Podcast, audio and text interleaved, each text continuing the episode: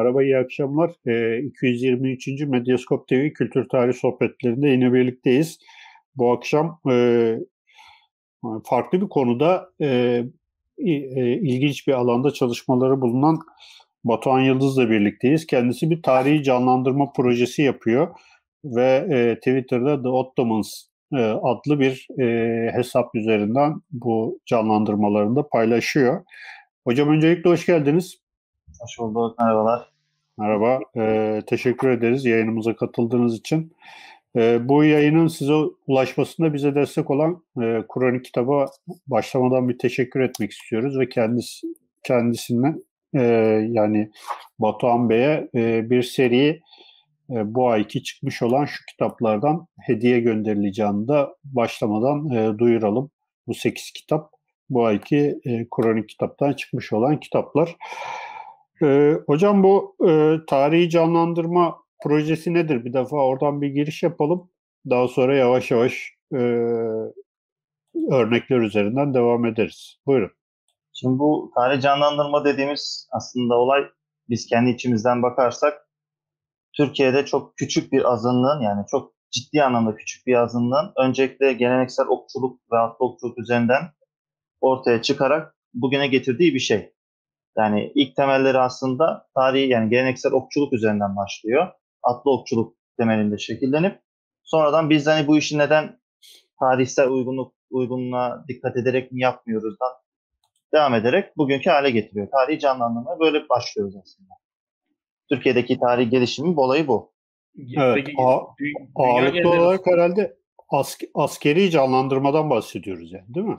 Evet yani bizim kendi yaptığımız çoğunlukta evet. Osmanlı askeri tarih canlandırması daha çok muharebeler üzerine, askeri birlikler üzerine, bunlar üzerine gidiyor. Ama tabii ki de Türkiye'de de olsa yani yurt dışında çoğunlukla farklı türleri de var. Yurt dışında nasıl? Benim izlediğim, takip ettiğim mesela bir Rus vardı. E, şu anda ismini hatırlayamıyorum. Baktım da hatta biraz önce Facebook'tan da baktım da bulamadım. Mesela onlar da böyle büyük büyük işler yapıyorlar. Hatta Orta Çağ'dan İkinci Dünya Savaşı'na kadar böyle büyük canlandırmalar yapıyorlar. Yurt dışında nasıl? Yani bu işler nasıl ilerliyor, nasıl gidiyor? Biraz onun üzerinden. Şimdi yurt dışındaki canlandırma olayları tamamıyla çok farklı. Yani bir kere tarihin her dönemiyle ilgili bir canlandırma var dünyada. Bunlar daha çoğunlukla Amerika üzerinde var ve Avrupa üzerinde var çoğunlukla. Bir, bu konuda ciddi anlamda Ruslar da iyi çalışıyor. Yani çoğunlukla dediğim şekilde tarihin her dönemi her olay vesaire yani bununla ilgili kaynak bulmamız yeterli. Bununla ilgili görseliniz veya çiziminiz varsa, kaynağınız varsa, bilginiz varsa her türlü dönemin canlandırması yapılıyor. İşte muharebe, savaş canlandırması yapılıyor. Günlük yaşamı anlatan, günlük hayatla ilgili yani bir insan işte diyeyim ki size 15. yüzyılda bir köylü nasıl yaşar? Bunu birebir kendisi aynı o kişi gibi yaşamaya çalışarak onu deneyimlemeye çalışıyor. Bu şekilde de canlandırmalar var. Yani sadece muharebe üzerine değil. Yani sivil hayatın canlandırması da var diyorsunuz. Evet evet sivil hayatın. Yani şöyle bunu ciddi anlamda yapanlar biraz takıntılı insanlar bu konuda çok fazla var. Yani bir kişi o dönem nasıl giyiniyorsa yani bundan giyinmeden kastım yani sadece üstümüze giydiğimiz değil iç çamaşırına kadar o gün o dönem şartlarında neler giyiyorsa yani diyeyim ki kış ayında bir kış ayında bir köylünün canlandırmasını yapıyor. Kış ayında ne yetişiyor o coğrafyada? Yaptığı dönemle ilgili ne yetişiyor? Sadece onları tüketiyor. Sadece onları yiyerek o kişinin yaşadığı hayat tarzını deneyimlemeye çalışıyor. Bunlar biraz da aşırı uç noktadaki insanlar. Bu bir çoğunluğu bu kadar ciddi almıyor. Biraz da bunlar azlıkta kalabiliyor diyebilirim. Ulan baya baya ciddi almışlar ya. Aynı şeyleri yemek yiyip. evet, evet. Peki ben onu mesela duymuştum. Ee, bu sivil hayatın canlandırılması hikayesini Hollanda'da falan sanıyorum. Böyle köyler kurulup e, bayağı 16. yüzyıl şartlarında e, işte tarım vesaire böyle hani haftalar süren e, kamp şeklinde e, şeyler duymuştum yani. Tarihi evet. laboratuvar gibi yani böyle şey. Evet evet. evet. çok, çok fazla böyle yapanlar ciddi anlamda var ama bu biraz da şey yaptığınız işte ne kadar uğraştığınızla alakalı bir şey. Yani normalde bunu çok basit şekilde yapan insanlar var. Günlük malzemeleri kullanıp işte polyester kullanıp ya fermuarlı malzemeler yapıp da bunları biraz gizleyerek çok öne çıkarmadan ama modern malzemeleri kullanıp da tarihi canlandırma yapanlar var. Bir de ciddi anlamda takıntılı olanlar var. bunlar o dönemin mesela dikiş dikme usulüne bile dikkat ediyor. O dönem nasıl bir dikiş dikme usulü var? Kumaş üzerinde nasıl dikiliyor? Bunda biraz ufak tefek bizde de konulara dikkat edenlerimiz var. Hatta biz de bunlara dikkat ederek bir şeyler yapmaya çalışıyoruz. Yani işte dediğim gibi tamamıyla o dönemi yaşamak için o dönemi tamamıyla canlandırıyor aslında. Peki bu şeyi soracaktım. Maddi kültür yani bunlar sonuçta e, binalar gibi işte mimari eserler gibi veyahut da yazılı kitaplar gibi kalan şeyler değil. Bunu görsel olarak nasıl canlandırıyorsunuz? Ben mesela birazdan da gösteririm arka taraftan. Kıyafetlerin o dikim usullerinin tekrardan e, yeniden yaratılması mesela yeniden canlandırılması aslında söylediğin şey. Bunları nasıl nerelerden faydalanıyorsunuz? Kaynaklar nelerdir? Şimdi bu konularda bizim kendi içimizde bakarsak şimdi biz Türkiye'de çok kalabalık bir kitle değiliz ama bizden farklı gruplar da var. Mesela memlük canlandırması yapan bir ekip daha var Ankara merkezi yan, yanılsın yani. Yanılmıyorsam Ankara merkezi olması lazım. Orada bir İbrahim abi diye bir abimiz var bizim İbrahim Keleş. O mesela kendisi Konyalı ama Arapça ve Farsça okuyabildiği için yani bu dillere hakim olduğu için Prusiyeler üzerinden çalışıyor. İşte o dönemin yazılmış minyatürler üzerine okumalar yapıyor. Prusiyeler üzerinden okumalar yapıyor. Minyatürleri inceliyor.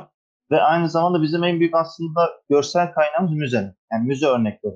Müzede sergilenen kıyafetler, malzemeler, silahlar, her türlü eşya bizi doğrudan görsel olarak kaynak sunuyor. Bu kaynakları minyatürler üzerinden inceleyerek daha çok tasdik edebiliyoruz. Yani Şimdi gördüğümüz şeyleri minyatürlerde de görebiliyoruz. Minyatürler pek dikkat edilmiyor bu konularda. Çünkü daha ilgili olan insanlar bu konulara dikkat ediyor. Mesela size şöyle söyleyeyim. Bir kuşak bağlama usulü vardır. Böyle çapraz gibi görünür. Ama onun farklı bir bağlama yöntemi vardır. Biz bunu birebir minyatürlerde tasdik edebiliyoruz. Çünkü orada o görüntü var. O bağlama usulü var. Bunlara dikkat ederek işte yani müzelerde gördüğümüzü, tarihi furusiyelerde olsun, eski metinlerde olsun, işte minyatürlerde olsun oralardan da tasdik ederek bunları yapmaya çalışıyoruz. Yani kısacası olay aslında böyle. Evet, şu bu bağlama usulüne kadar bunu değerlendiriyorsanız herhalde e, yani sadece minyatürler tabii önemli bir kaynak ama başka hangi kaynaklar var hocam? Yani faydalandığınız, sizi besleyen. Şimdi bu konular üzerine bizlerde daha çok böyle hani işte kıyafet usulü üzerine yazılmış eserler pek yok. Bu konularda biraz biz hani işte tarlada samanlıkta iğne aramak gibidir bizdeki durum. Hep böyle yazılı metinler üzerinden didik didik arayarak bulabiliyoruz. Örnek veriyorum. Bu konularda bize en çok yardımcı olan kaynaklar seyahatnameler. Mesela seyahatnamelerde çok fazla detay verilir ama bunlar dikkat edilmediği için göz ardı edilir. Ama mesela bir yabancı seyyah Anadolu'da gezdiği zaman işte şu asker üzerinde şunlar vardı, şu askerler şöyle giyinirdi, şu askerler bakımsızdı vesaire veya toplum hakkında da bilgi verir. Mesela işte kadınlar üzerinde şu renk kıyafetler vardı, erkekler şu tip giyinirdi gibi bilgiler verir. Bunlardan da dikkat ederekten bunları ortaya çıkarmaya çalışıyoruz. Evet. Ee, şimdi hani biraz birazdan görsellere geçeriz ama ben şeyi çok merak ediyorum. Mesela siz hani müzelere gidiyorsunuz veya ne bileyim televizyonlardaki dizileri falan izliyorsunuz. Şimdi müzelerde gördüğünüz veya işte televizyonlardaki dizilerde gördüğünüz gördüğümüz veya işte neyse ben çok hani televizyon izlemediğim için şey yapmıyorum ama bir takım görseller işte sosyal medyada üzerimize düşüyor, önümüze düşüyor. Ee, nasıl değerlendiriyorsunuz onları? Yani mesela müzelerde, askeri müzelerde gördüğümüz kıyafetler ne kadar gerçekçi veya işte bu dizilerdeki e, şeyler, e, kıyafetler falan ne kadar gerçekçi? Siz ne düşünüyorsunuz bu konularla ilgili? Şimdi şu konuda benim zaten en çok yani çevremde sıkıntı yaşadığım konu bu aslında. Beni Twitter'dan takip edenler de bilir. Bu konularda biraz yer yer dilim sivrileşebiliyor. Hani biraz kızıyorum veya laf söyleyebiliyorum. Dizilerdeki olay şöyle söyleyeyim size. Daha çok yani bugünün giyim moda anlayışı üzerine geçmişi düşünerek yani bugün çoğunlukla siyah giyiniriz, kahverengi giyiniriz veya bu renk kombinasyonlarını kullanırız.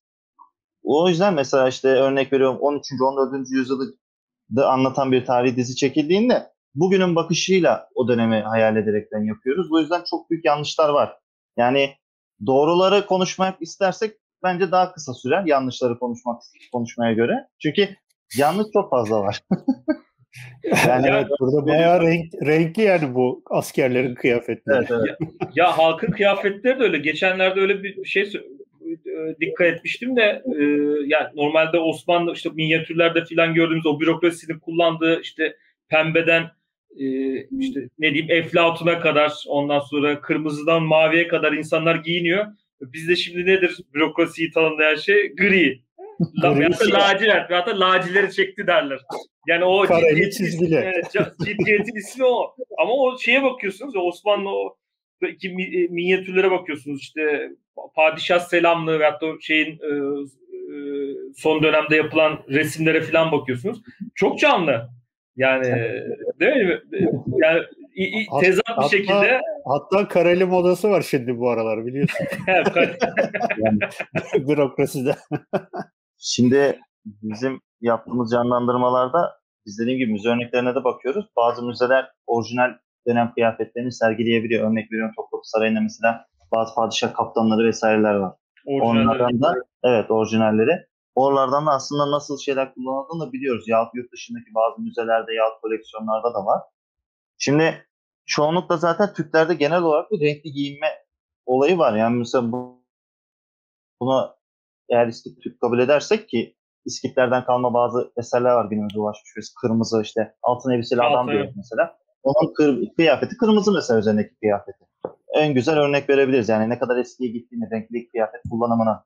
Ki bu işte Selçuklularda da böyle, Osmanlılarda da ciddi anlamda böyle. Bu sonradan sonradan işte daha Avrupalaşmanın birlikte yani işte 18. 19. yüzyılla birlikte daha çok Batı'nın giyindiği veya o dönemi kabul edilen kıyafetlerini giymemizle birlikte biraz daha değişiyor. İşte daha çok siyah şal var, siyah pantolon ya lacivert pantolon, beyaz gömlek gibi normal tek tip kıyafetlere dönüyoruz. Ama bundan 300 yıl önceye gidersek tamamıyla cürcür. Yani curcuna var yani orada. Bir renk karmaşası var. Redingot bizi bozmuş. Kısaca böyle söyleyebiliriz yani.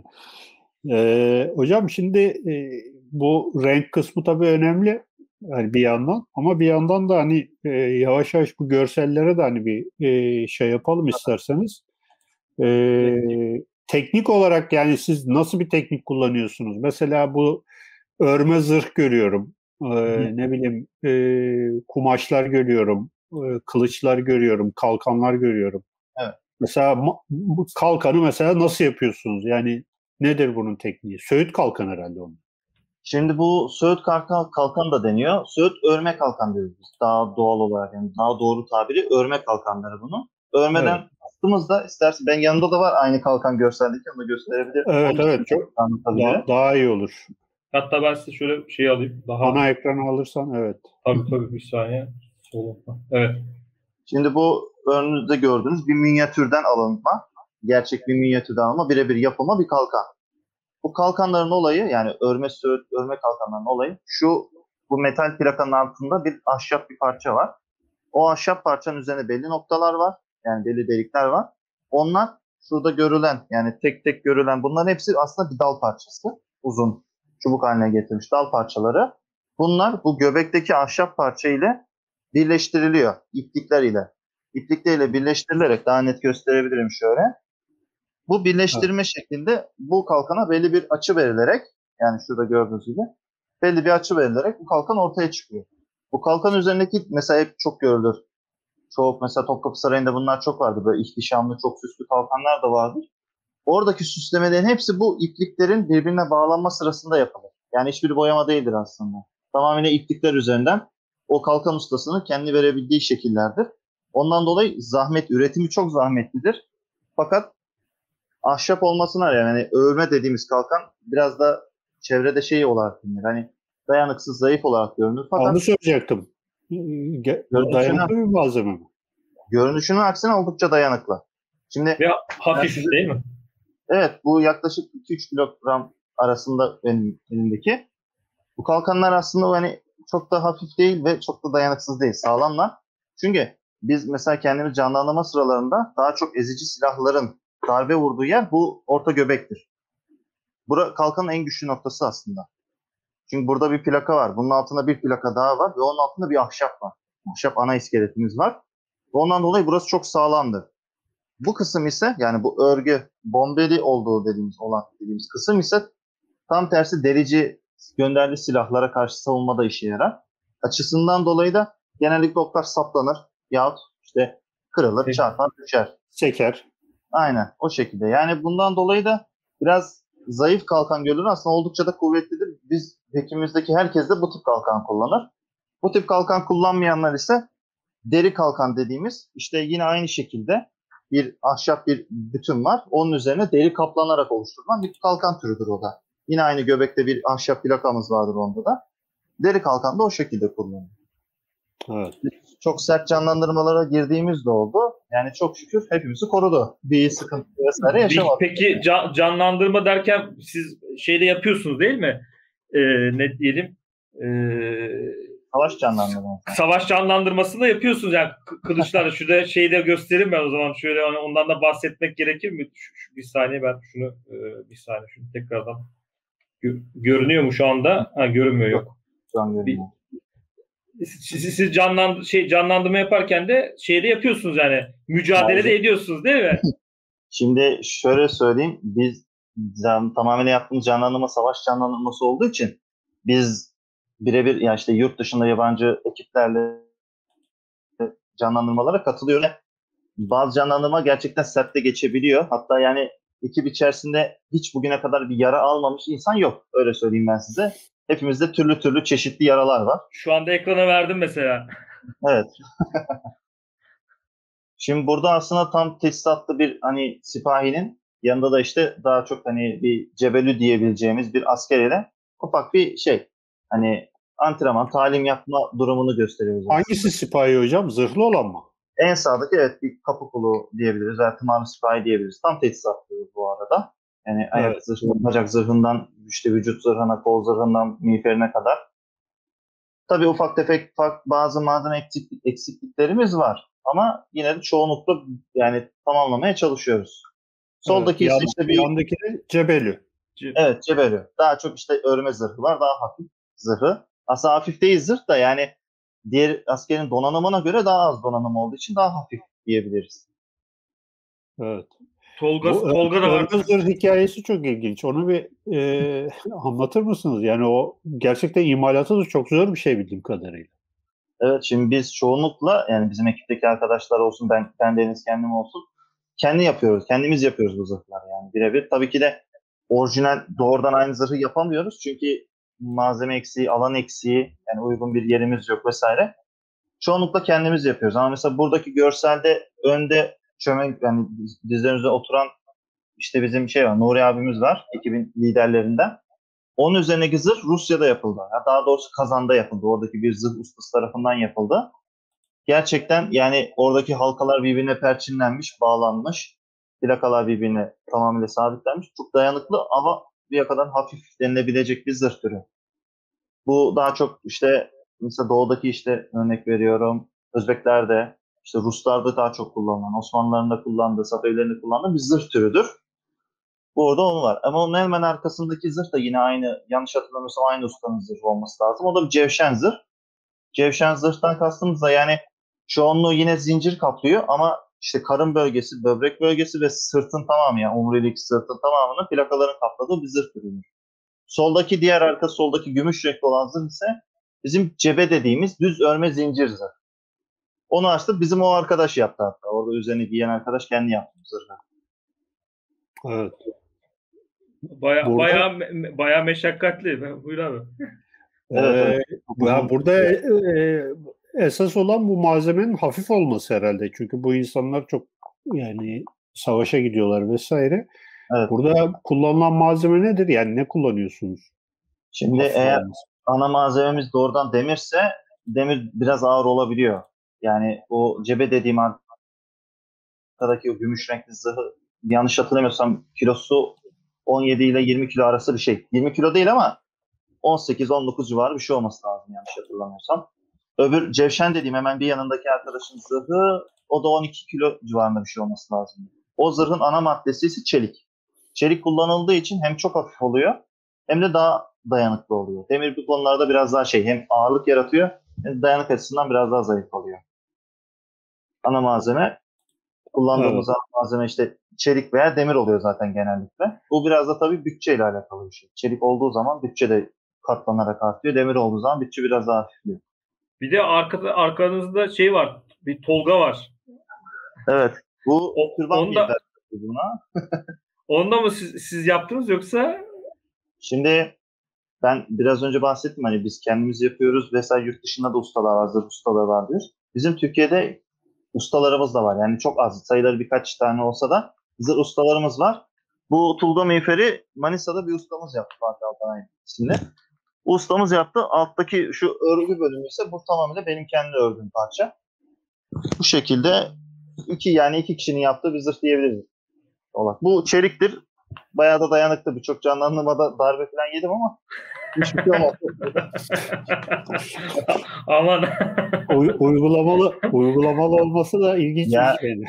Çünkü şöyle şimdi ben mesela bu zırhı almamın hikayesi de bir gariptir. Çünkü biz Varna'da bir Varna Meydan Muharebesi öncesinde yapılan bir kuşatma savaşı var Şumlu'da yapılan.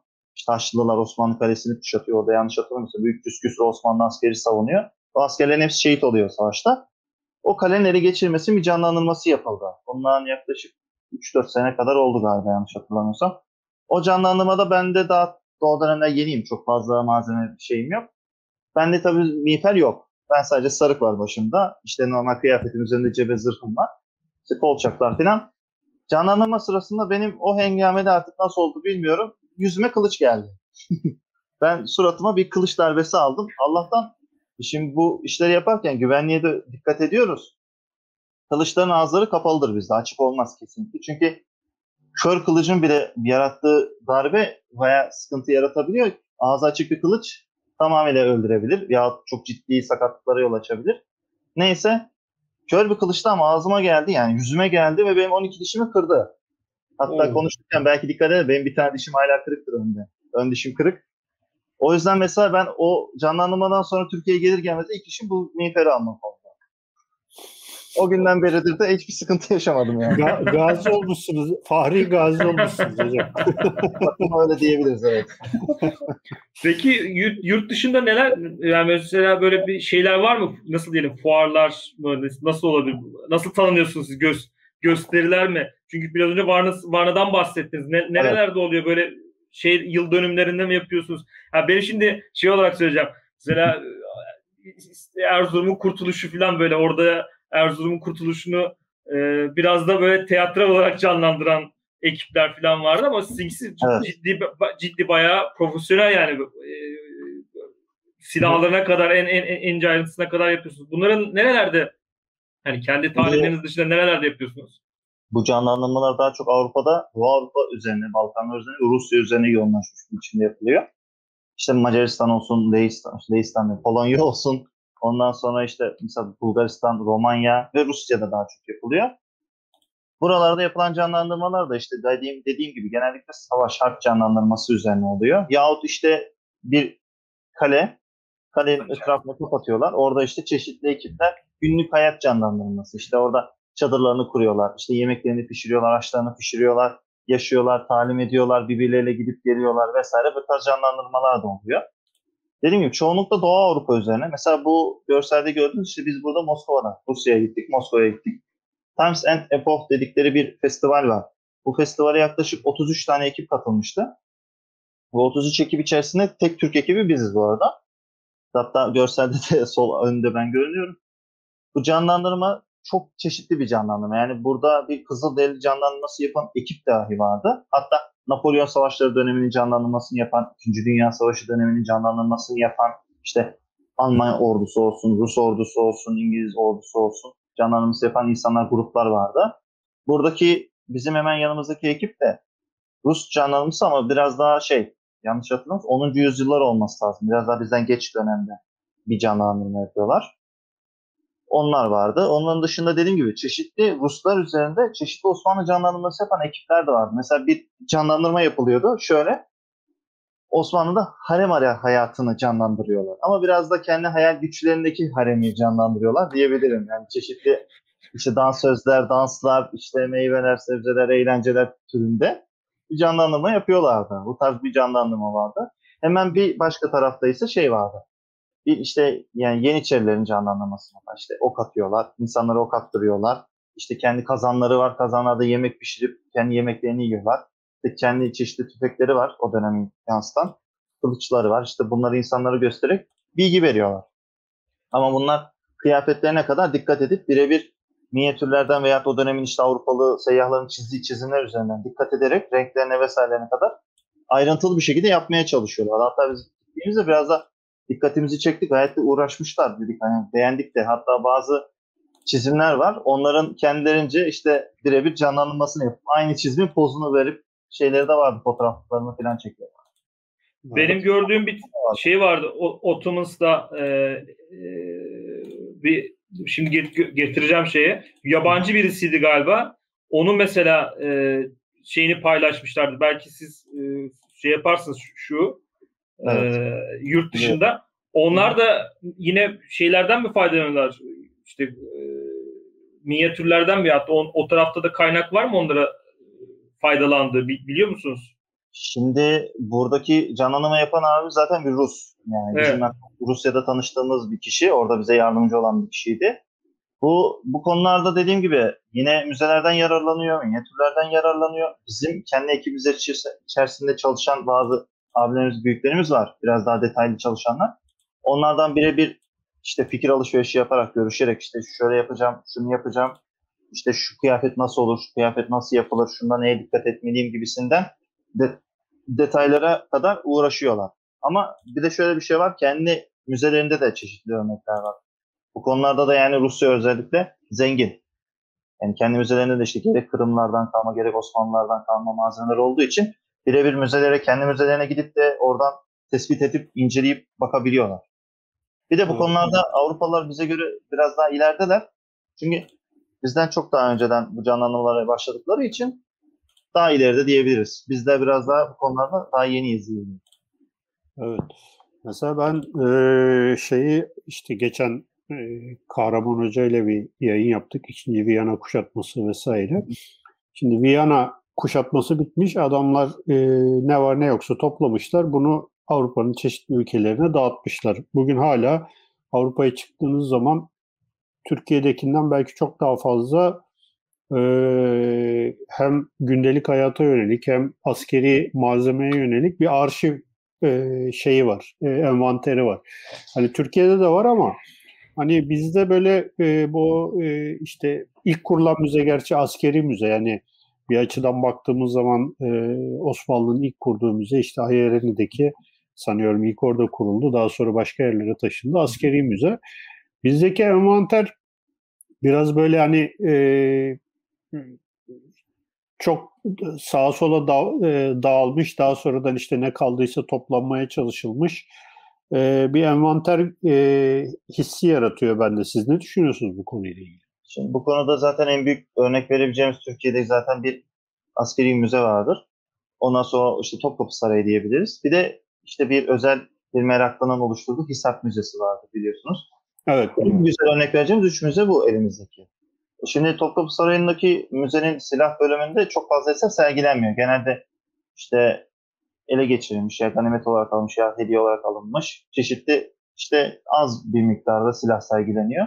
Genellikle de zaten bir devletler arasında birbirine hediyeleşme bağlamına gelen silahlar sergileniyor. İşte bazı padişah silahları vesaire var. Çok fazla detay yok. Zaten küçük bir bölüm. Askeri müzeye baktığımız zaman ise askeri müzenin aslında çok geniş bir envanteri var.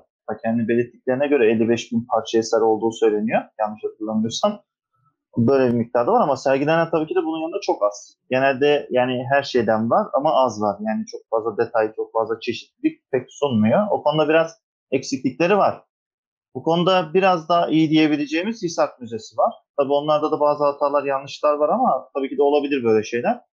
Onlar ise daha çok işte kıyafetler üzerine, malzemelerin birebir işte candan dioraması üzerine vesaire bu konulara biraz daha dikkat ederek daha görsel hafızaya hizmet eden şeyler yapıyorlar.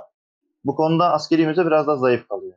İşte oradaki bazı heyke, heykeller vesaireler biliyorsunuzdur. Oran olarak biraz daha büyük, küçük, ebat olarak biraz fark ediyor. O yüzden çok da şey değil. Ama dediğim gibi bu konuda Hisar Müzesi iyi diyebilirim. Askeri müze yani biraz daha üzerine düşürse aslında mükemmel olabilecek bir müze. Çünkü eldeki eserler miktar çok fazla var. İyi kullanılabilse bu konuda çok daha iyi olur. Topkapı Sarayı'da zaten alan yettiği kadar bir yer var. O yüzden çok bir şey diyemeyeceğim onun için. Peki şey sor ha, soracaksın abi. Ben, ben bir şey söylemek istiyorum. Ee, yani e, sen devam edebilirsin buradan o zaman. Ya şimdi bizde şöyle bir şey var. Hani e, İstanbul'un kurtuluşu. işte yeni yeni icatlar çıkıyor. İşte gemi yürütüyorsun bilmem ne veya işte e, bir takım böyle mehter e, şeyleri işte bir takım böyle bir şehrin düşman işgalinden kurtuluşu ise işte temsili şeyler falan ama bunlar maalesef e, yani açık konuşalım müsamere tadından öteye bir yere gitmiyor. Yani çok kötüler bence. E, ve böyle işin içinde e, gerçeklikten uzak e, biraz da böyle e, gerçekliği zorlayan bir yanı var. Yani bir türlü sivilleşemeyen bir şey var. Tamam olayın kendisi askeri bir hadise olabilir ama hani izlediğiniz zaman veya şey yaptığım zaman ben genellikle irite oluyorum. Açık söyleyeyim yani. E, halbuki yani işte sizin mesela söylediğiniz örnekler çok önemli. Adam Varna'yı e, şey yapıyor, işte Türkiye'den de adam çağırıyor mesela. Ya bu çok önemli bence yani. Hani e, burada e, yeni bir kültür geliştirmek lazım herhalde. Yani bu e, olayı 3-5 tane ezbere yapılmış e, müsamere tadındaki işten çıkartıp hani gerçeği neyse teknik olarak işte davranış, jest, malzeme bilmem ne neyse o şekilde bir e, sivilleştirmek ve gerçekten ortaya hani yeni bir şeyler koyabilmek lazım. Bizde beş tane mehter takım var. Üç tane de işte temsili düşman yani Erzurum'un düşman işgalinden kurtuluşu hikayesini anlatıyorsa kendisi Erzurumludur. Yani düşman askeri bulmakta zorlanıyorlar onu biliyorum ya işte.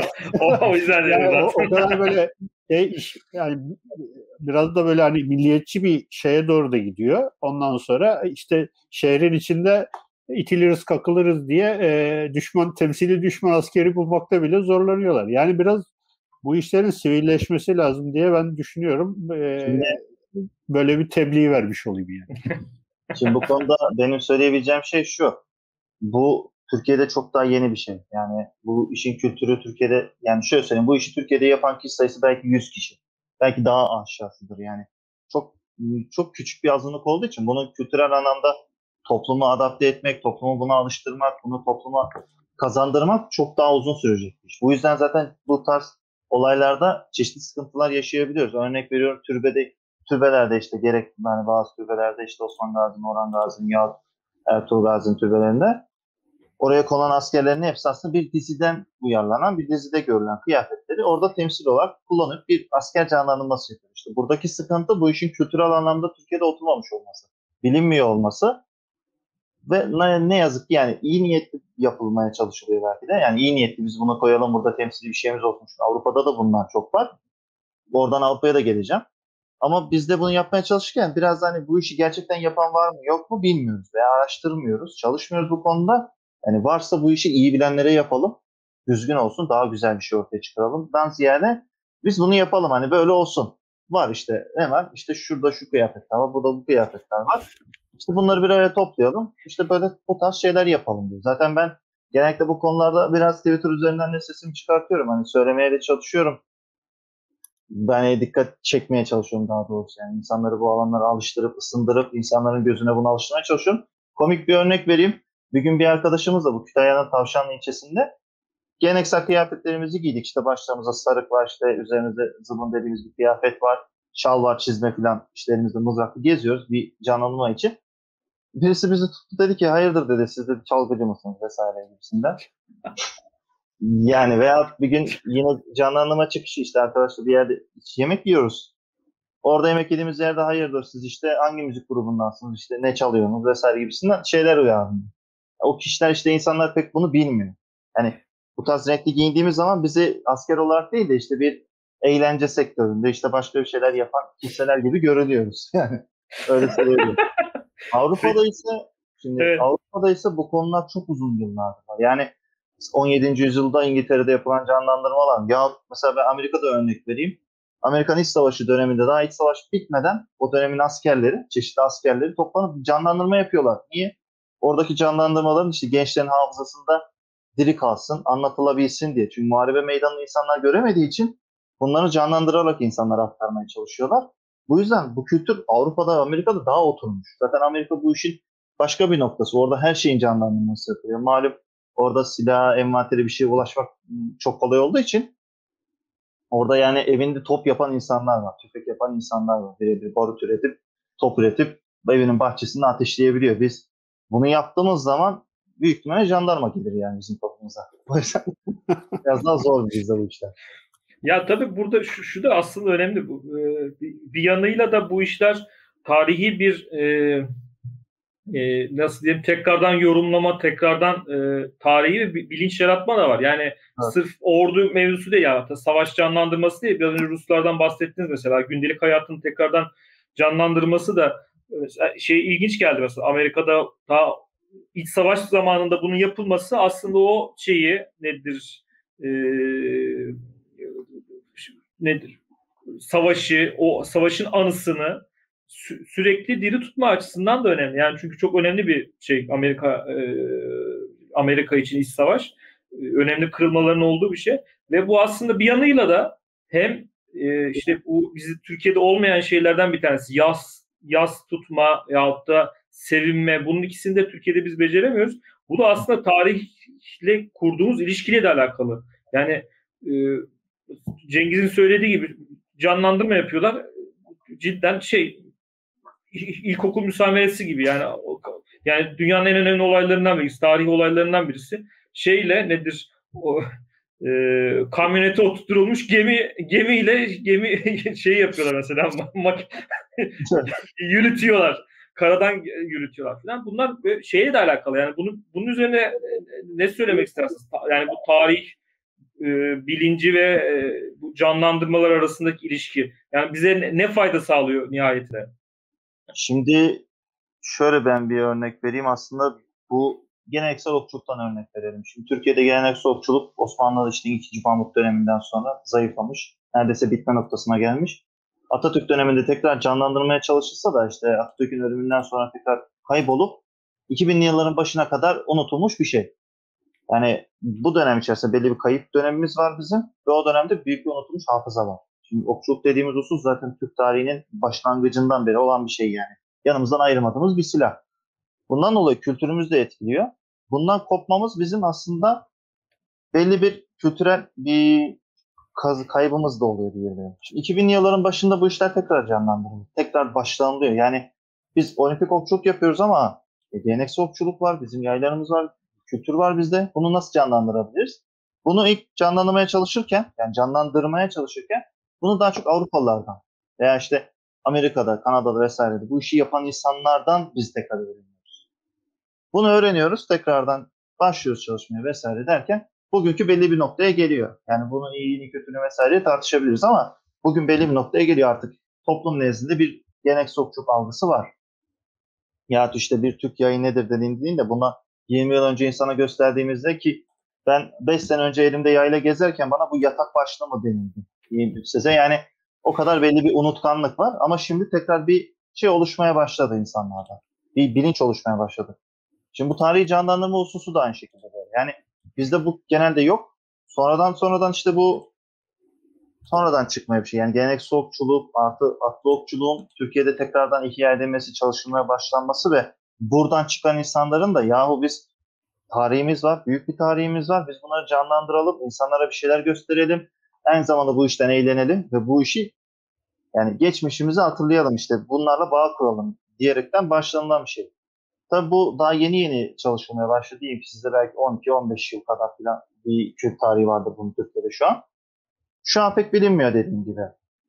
Ama bu evet. üzerine çalışmalar devam ettikçe, bizim gibi insanlar başka insanlara öğrettikçe, işte tanıttıkça, bu kültürü yayabildikçe bu Türkiye'de de oturacak. Şu an mesela bizim çoğu eleştirdiğimiz olaylar mesela dizilerde olsun, işte bu kurumlarda, türbelerde vesaireler belli işte çalışmalar olsun, bir şeyleri yapabilme şeyleri olsun.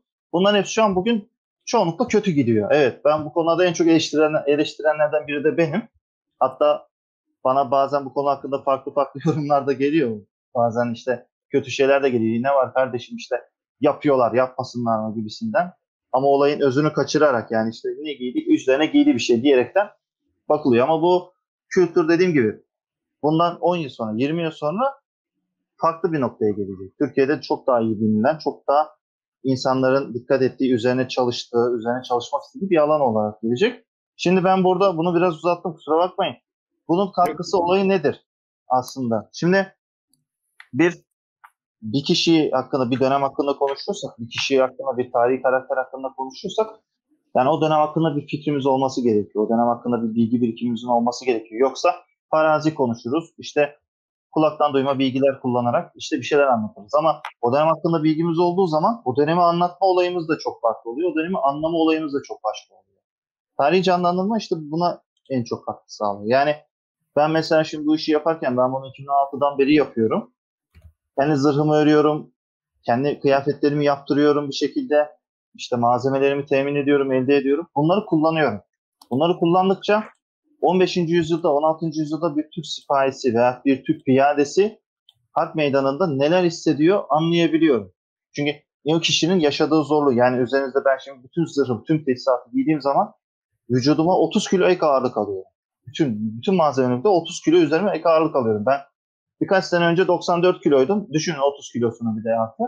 Yani o şekilde belki 8 saat, belki 10 saat bu kıyafetlerle kalıyoruz. Bu bir bakıma o kişinin, o dönem yaşamış bir askerin yani zihnine, içine girmek gibi bir şey. O kişiyi daha iyi anlayabilmek, o dönemin zorluğunu, o dönem elde edilen bir başarının ya bir başarısızlığın sebebini daha iyi idrak edebilmek için önemli. Tabii bu şu an bir azınlık içerisinde deneyimlenen bir şey. Bunu topluma yayabildiğimiz zaman örnek veriyorum işte hep konuşuyoruz İstanbul'un fethinde olan şeyler, yaşanan mücadeleler, oradaki başarı yahut oradaki neden bu zamana kadar gelen başarısızlığı idare, idrak edebilmek için bunu insanlara daha iyi anlatabilmenin yolu bu. Yani örnek veriyorum bir okul çocuklarına, okuldaki çocuklara dedi ki biz böyle böyle bir şey yapmak istiyoruz ama bunu güzel bir şekilde yapalım. Nasıl yapalım? İşte bunu usulüne uygun bir şekilde yapalım dediler. Öğrencileri bunu yaptılar. Öğrenciler de işte o dönemin örnek veriyorum Yeniçerisini, bir sipahisini, bir azabını kıyafetlerini giydi, teçhizatını kuşandı ve o canlanmayı yapmaya çalıştı bir şekilde. Bu o o çocuklar içerisinde, o gençler içerisinde o dönemin insanların hani zihnine girebildiği için daha çok saygı duyulması gerekiyor. Ya belki de bundan etkilenerek bu alan üzerine çalışmak isteyerek kendisini geliştirmek istediğini vesaire gibi örnekler verebilirim. Yani toplum hafızasını da diri tutuyor aslında. Bakın hocam bugün Malazgirt'te yapılan şeyler örnek veriyorum. Orada yapan işler de oradaki canlandırmayı yapan insanlar da aslında bizimle birlikte canlandırma yapan insanlar. Aslında bizden insanlar. Ama oradaki canlandırmanın olayı biraz daha şey farklı bir yapıyorlar ve dediğim gibi insan yok. Hani diyorsunuz ya işte düşman getireceksin düşman bulamadı diye. Şimdi bu işi yapacak insan yok. Ama örnek vereyim bunu İtalya'da bir canlandırma yapılıyor işte Roma ordusuyla işte Galyalılar üzerine. Galyalıların bir kale kuşatmasını konu alıyorlar. Kale bir hipodromun içerisinde yani tarihi bir hipodromun içerisinde, kolezyumun içerisinde ahşap kale yapmışlar. O kalenin içerisinde Roma askerleri var. Tam tesisatlı, donanımlı, her şekilde, disiplinli bir şekilde. Ve dışı Galyalı askerlerle dolu. Ve bu insanlar birbirine giriyor. Ama yani bir Galyalı'da bekleyeceğiniz her şey var. Yani o adam yırtıcı, saldırgan, atak, türlü şeyler yapıyor. Romalı askerlerden bekleyeceğiniz her şey var. Adam disiplinli, üstüne boncuk saldırıyorlar, taş atıyorlar, bir şey atıyorlar. Ama adam disiplinini bozmuyor. Çünkü orada aslında gerçek Roma askeri. Oradaki canlanmayı izleyen insanlar da bunu tamamıyla deneyimliyor, görüyor ve diyor ki yani zihnindeki Galyalı aslında orada şekilleniyor. O kitaplarda okuduğu Galyalıları orada gerçekten görebiliyor. Bu da bir bakıma işte o toplumun hafızasını diri tutuyor diyebilirim. Evet. Biraz uzattım galiba. Yok yok ga- gayet güzel oldu. Hocam siz konuşurken benim aklıma şey geldi. Şimdi 4. Murat la ilgili benim çocukluğumda Cihan Ünal'ın falan oynadığı bir şey vardı. Dördüncü Murat film dizisi vardı. Film mi dizi mi evet. hatırlamıyorum. TRT. Dört işte bölümlük bir dizi mi? Diziydi. Evet. Dördüncü Murat işte böyle gürs kaldırıyor bilmem ne sürekli tirat atıyor falan. O kafa bizde hiç değişmedi. ya hala tirat atıyor. İşte Osman Gazi tirat atıyor. İşte Ertuğrul Gazi tirat atıyor. E, bakıyorsun lan çok kararlı adamlarmış bunlar falan filan. Ama mesela sonradan Evliya Çelebi'yi okuyorsun. Ya Evliya Çelebi'nin anlattığı dördüncü Murat bambaşka bir adam. Yani işte şakalaşıyor bilmem ne falan filan. Hatta bir onun şeyi vardır. Evliya Çelebi'yi başın üstüne kaldırıp çevirme hikayesi vardır falan. Evliya Çelebi'nin yani bence seyahatnamenin en acayip hikayesi o. Ya şimdi bizde şöyle bir şey var. Yani diziye bakıyorsun hepsi siyah zırhlar giymiş. Ya bu adamlar böyle adamlar değiller yani. Hani evet. şimdi biz bugün bugünün toplumunu e, toplumuna ayar verebilmek için o adamlara kendi fikirlerimizi söyleten bir şey geliştirmeye çalışıyoruz ama öyle değil yani o hikaye. Orada bambaşka bir hayat var. Yani biz burada hani kendi e, şeyimizi, dünya görüşümüzü veya siyasi e, şeylerimizi o adamlara, o aktörlere hani e, söyleterek toplumu inşa edeceksek o, o iş öyle olmuyor. Yani bir de bunun başka türlü bir şey var. Yani adam kapkara siyah takım elbisenin 16. yüzyıldaki hali gibi bir şey yok. Yani siyah giyince daha ciddi olmuyor bu adamlar. Yani burada işte bizde tabii bu e, sivil kaynakların çok az olmasıyla da alakalı şeyler var. Allah'tan minyatürler var. Hani e, siz işte bunlardan faydalanıyorsunuz falan.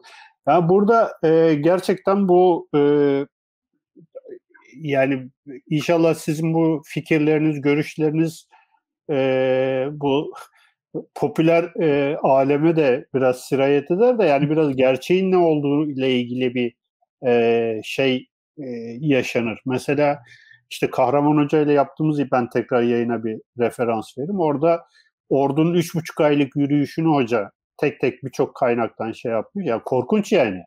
Hani öyle kimse güle oynaya savaşa gitmiyor. Yani o e, siz diyorsunuz ya mesela 30 kilo ağırlıkla e, adam yürüyor yani. Bardaktan boşanır gibi yağmur yağıyor tepesine. Ondan sonra aylarca işte çamur, balçık bilmem ne köprüler geçilemiyor şu bu. Yani e, şimdi bugünden baktığımız zaman her şey işte e, kağıt üzerinde çok güzel veya dizilerde çok güzel falan filan ama yani bir de orada işin yani insani bir dramı var vesaire. Yani bunlar bu açıdan şey çok önemli. Yani e, bunun sivilleşmesi sizin gibi insanların bu işte organizasyonlara bir şekliyle hani en azından fikir vermesi e, vesaire çok önemli. Yani bu mehter takımı e, işinden bir çıkabilirsek e, tabii o da önemli ama hani sadece evet. o değil yani Osmanlı'da hayat veya işte şehirlerin kurtuluş e, hikayelerinden e, biraz daha e, e, renklenirse iyi olur yani diye düşünüyorum. Ben de gene sürekli evet. tirat atıyorum burada ama kusura bakmayın. Sen bugün te- te- tebliğ veriyorsun. Kaçak tebliğ. Te- kaçak tebliğ veriyorum. Korsan, evet. korsan tebliğ Bu veriyorsun. konuda dertliyiz o yüzden yani. Şimdi ben mesela şöyle söyleyeyim. O dönem insanları bu işi yaparken işte bu zırhları, bu malzemeleri yanında taşıyor. Hepsini yanında taşıyaraktan bu yolu gidiyor. Yani biz bugün modern bir çağda yaşıyoruz. İşte uçakla gidiyoruz, otobüste seyahat ediyoruz, arabayla seyahat ediyoruz. Buna rağmen biz bile yani gül oynaya gitmiyoruz bir canlandırma öyle söyleyeyim size. Yani ben bugüne dek 3 tane bavul patlattım. Yani hatta bir tane bavulum vardı tekerleği kırıktı. Rusya'ya canlandırmaya gitmeden önce dedim ki tamir ettireyim, yaptırayım, sıfır bir şekilde gideyim dedim. Yaptırdım işte. Bütün malzemelerimi koydum bavula. Uçağa atladık işte. Geldik Rusya'ya indik. Bavul elime bir geldik. Tekerlek kırık. Tamamıyla gitmiş. Sonra bantladık bir şekilde kullandık derken dönüşte bir, bir, bir tarafı daha kırıldı mesela. Bugün hala o bavulu kullanıyorum. Bavul her gittiğim yerde kırılıyor. Artık en sonunda bir gün artık elimde kalacak. Artık ne yapacağım bilmiyorum. Yani biz bugünkü şartlarda dahi bu zorlukları yaşıyoruz. Yani çünkü bu malzemeleri toplamak, bu malzemeleri bir arada taşımak bile bugün bir dert, çile. O dönem bunları bir de şöyle düşünün. Örnek veriyorum bir yeniçerisiniz. Tüfeğiniz var. Bu yolu yürümek zorundasınız çünkü piyadesiniz. Barutunuz var örnek veriyorum ve yağmur yağıyor dediğiniz gibi. O barutu bir kere koruyacaksınız. O barutu nasıl koruyacaksınız? Bir kere bunun telaşı var. Tüfeğinizi korumak zorundasınız. Bir okçuysanız oklarınızı korumak zorundasınız. Çünkü okun yelekleri dediğimiz o tüy kısımları ıslanırsa ok kullanılmaz hale gelir. Yahut yayın kirişi ıslanırsa yay kullanılmaz hale gelir. Bunları korumak zorundasınız. Zırhlarınız var. Yağmur, nem vesaire deniz paslanmaya başlıyor. Bunları korumak zorundasınız. Bunu yağlamak zorundasınız. Hava dolayı bunlara dikkat etmek zorundasınız. Her şeye geçtim. Erzağınızı yanında taşımak zorundasınız. Kaybolursa açsınız zaten. Bir de bunlar var. Yani hepsini düşünerek bir sefere gitmek ciddi anlamda zor bir şey. İnsanları mental açıdan da çok zorluyor. E, biz bugünkü şartlarda zorlanıyoruz. O dönemki insanların işte bir sefer süresi 3 ay, 6 ay vesaire arasında bunu bir de 6 ay boyunca devamlı yaptıklarını düşünürsek bu ciddi anlamda çok yorucu bir iş. Yani hepsini detay indiğimiz zaman tek tek düşündüğümüz zaman inanılmaz. Çünkü biz mesela deriden çizmeler giyiyoruz. Çizme yemeni dediğimiz türde çizmeler giyiyoruz. Yağmurda ıslandığımız sırılsıklam oluyor. Yani biz Rusya'da bir kere öyle yağmur yağdı. Yağmura yakalandık. Ben bütün gün boyunca ıslak çizmelerle gezmek durumunda kaldım mesela. Bu bile ciddi anlamda yorucu.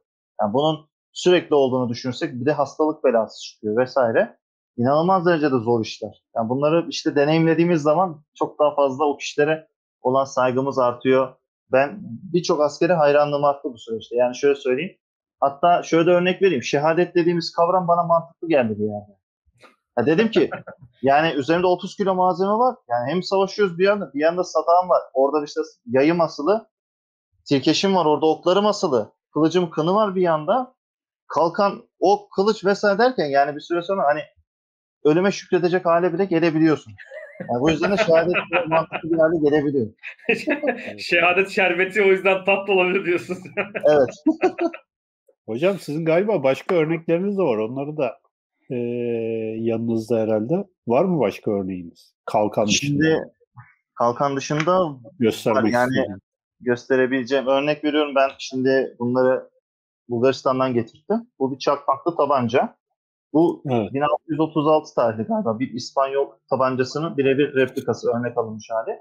Üç namluludur. Şöyle göstereyim. Şimdi bu çakmaklı dediğimiz mekanizma işte şurasına faaliyet havası dediğimiz barut konur. Şöyle göstereyim. Evet. Burada bir çakmak taşı vardır hemen şu haznede. Bura barut konduktan sonra kapatılır. Ateşlendiği zaman işte burada çıkan kıvılcım buradaki barutu ateşleyerek tabancanın ateş almasını sağlar. Ama tabii ki de buradan namlu da doldurulur. Yani barut, bez parçası ve işte fındık dediğimiz, bilye dediğimiz kurşunla doldurulur, hazırlanır ve atışa hazır hale gelir, kullanılır. Bunu ben bir canlandırma için düşünüyorum, onun için getirdim. Daha ama tabii yapmak kısmet olmadı. Bir farklı bir canlandırma niyetim var. Bunun yanı Os- sıra... Osmanlı ordusunda da kullanılıyor muydu buna benzer şeyler? Osmanlı yani, ordusunda evet bu bilakis bizim canlandırma yaptığımız dönemlere dahil olabilir diyebilirim. Çakmaklı tabanca. Hmm. Çoğunlukla evet. kullanılıyor. Evet. Çakmaklı'nın başka, bu dışında bende bir de kapsülü tabanca var. Şimdi bu tabanca Çakmaklı'dan sonra gelen nesil diyebiliriz. Yani Çakmak diye biz üçüncü nesil diyeceksek bu dördüncü nesil. Bu kapsülde ise yine aynı mekanizma var gibi görünüyor ama şurada bir bölüm var. Normalde bu burası açık. Bu replik olduğu için kapalı. Buranın üzerine bir metal parça içerisinde borut olan bir metal parçayı buraya konur. Bu horoz çekilir ve ateşlenir. Yine aynı mantık. Burada doldurulur. İşte barut, bez ve kurşunla doldurulur. Bura hazırlanır. O dediğim parça buraya konularak ateşlenir ve ateşlemeyi böyle yaparsınız. Bu nesil olarak biraz daha yeni çakmak diye göre. Şimdi evet. bu tabancaların bir özelliği var. Şöyle göstereyim size. Şimdi bunları doldurması uzun süreli olduğu için diyelim vurdunuz adama yani karşınızdaki hasma vurdunuz öldüremediniz. Ya temas bile etmedi koşu. Dolduracak vaktiniz yok. Bunları bir topuz niyetine bir gürz gibi yani kullanabilirsiniz aynı zamanda. o yüzden bunları bunların arka kısımları biraz daha kaba iri olur. Şöyle gördüğünüz gibi. Ya şöyle evet. olur. Yani bununla çok sıkıntıya kaldınız. Bununla beraber girebilirsiniz düşmanınızla. Öyle bir durumu var. Bu elinizdeki ikinci gösterdiğiniz Türkiye'de mi imal edildi yoksa hani yurt Şimdi bu ikisi de İspanya'da imal edildi. Evet. Bunlar İspanya'da yapılma. Bunları Bulgaristan'da bir mağaza vardı. Bulgaristan'dan getirdim. Türkiye'de bulamadım çünkü. O yüzden Bulgaristan üzerinden getirdim. Onun dışında benim yanımda birkaç tane kılıç var ama bunları tabii göstermek biraz daha zor olabilir. Mesela Vallahi şöyle, hazır şeyken gö- gösteririm hocam. Evet. Bu işte bir şemşir kılıç. Şöyle göstereyim size. Normal bir kılıcı olanla oranla şöyle görebiliyorsunuz belki. Çok evet. daha kuvvetlidir. Şimdi ben hatta canlandırma yaptığımızı şuradan da size gösterebilirim. Bizim kılıçların ağızlarında sürekli darbe izleri var. Hani evet. Bayağı sürekli. darbe almış. Evet. Yani görüyorsunuzdur. Bunları bilakis kullandığımız için bunlar dayanıklı. Bu aslında bir gerçek bir kılıç diyebiliriz buna. Sadece ağzı açık değil. Yani namlu kesici hale getirilmemiş. Ama tamamıyla gerçek bir kılıç. Evet. Zaten ağzını açamıyoruz. Kanunen de bunun bir yasak var. Hani ateş silahlar kanunları galiba. Yani Siz mi ettirdiniz hocam yoksa? Bunu şimdi söyleyeyim. Bu Manisa'da bir ustamız var bizim Fatih Altanay dediğim biraz önce de. Bilakis onun imalatı. Kendi bunları hazırlıyor.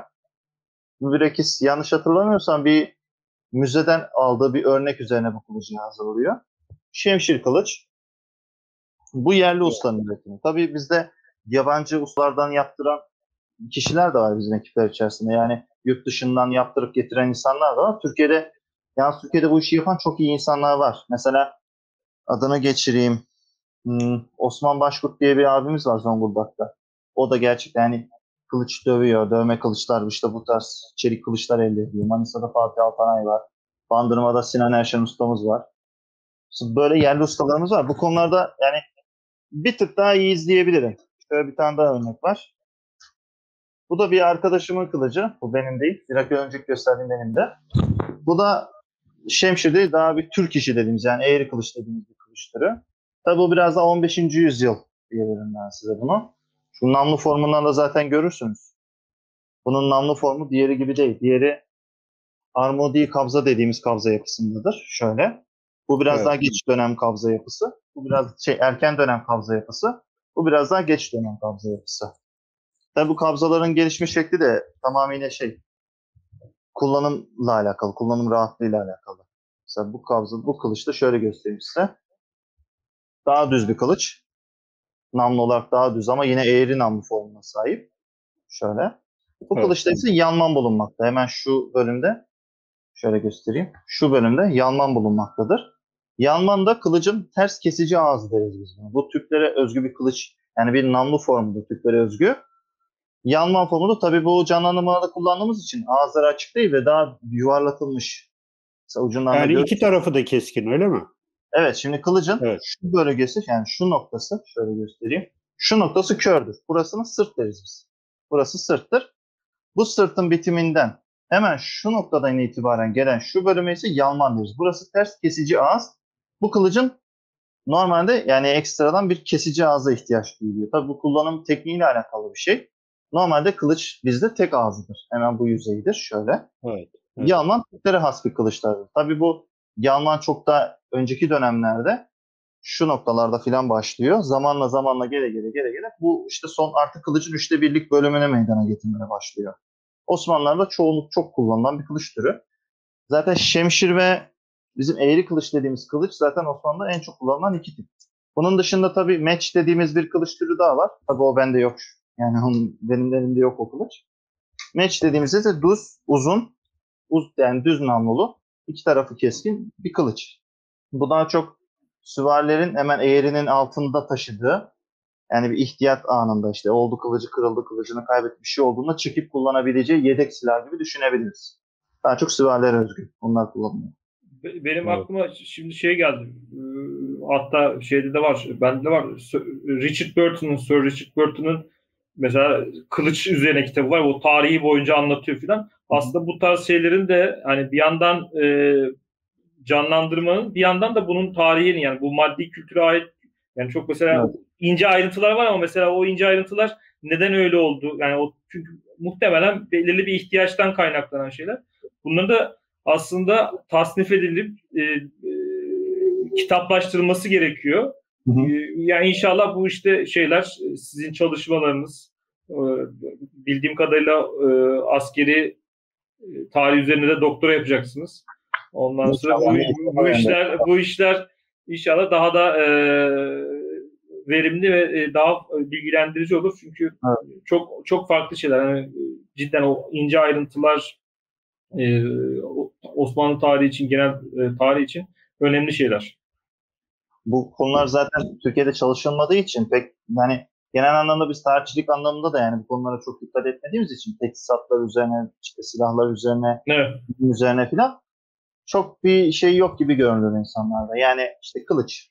Hepsi kılıç. Evet. Ama aslında bir kılıç tanımı bile aslında yani oturaklı bir şekilde Türkiye'de pek yok. Öyle söyleyeyim size. Yani herkes kendince bir görüşte işte hepsi kılıçtır, şu kılıçtır, işte şunlara kılıç denir gibisinden bir tabir var ama Dediğim gibi sadece mesela şurada iki tane kılıç gösterdim.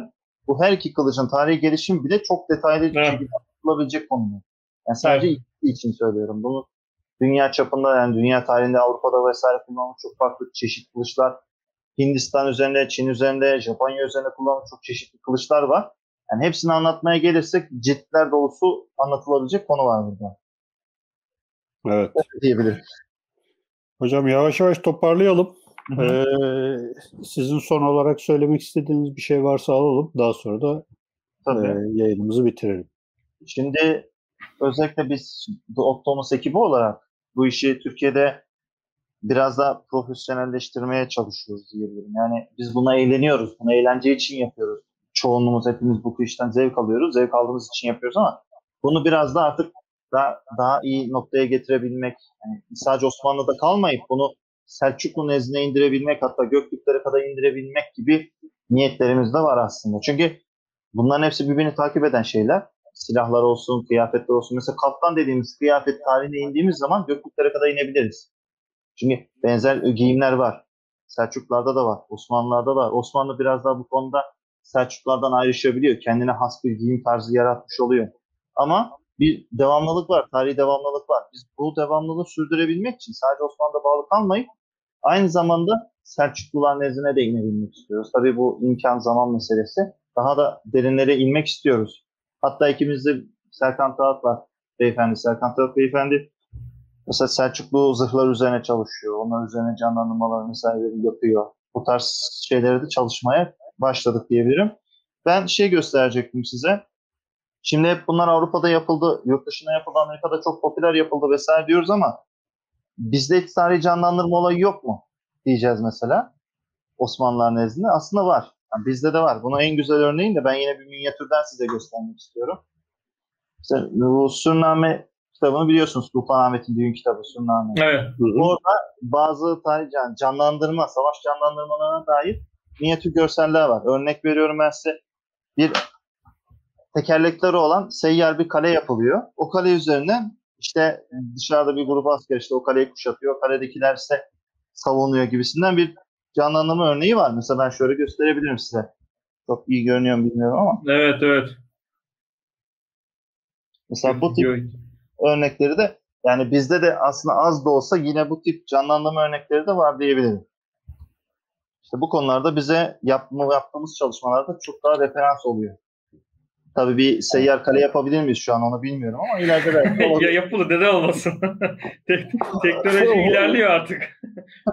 Ü- Üç e, neydi 3D yazıcıyla yapılabilir belki.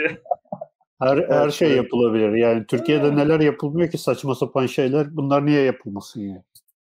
yani. İnşallah bir gün olur.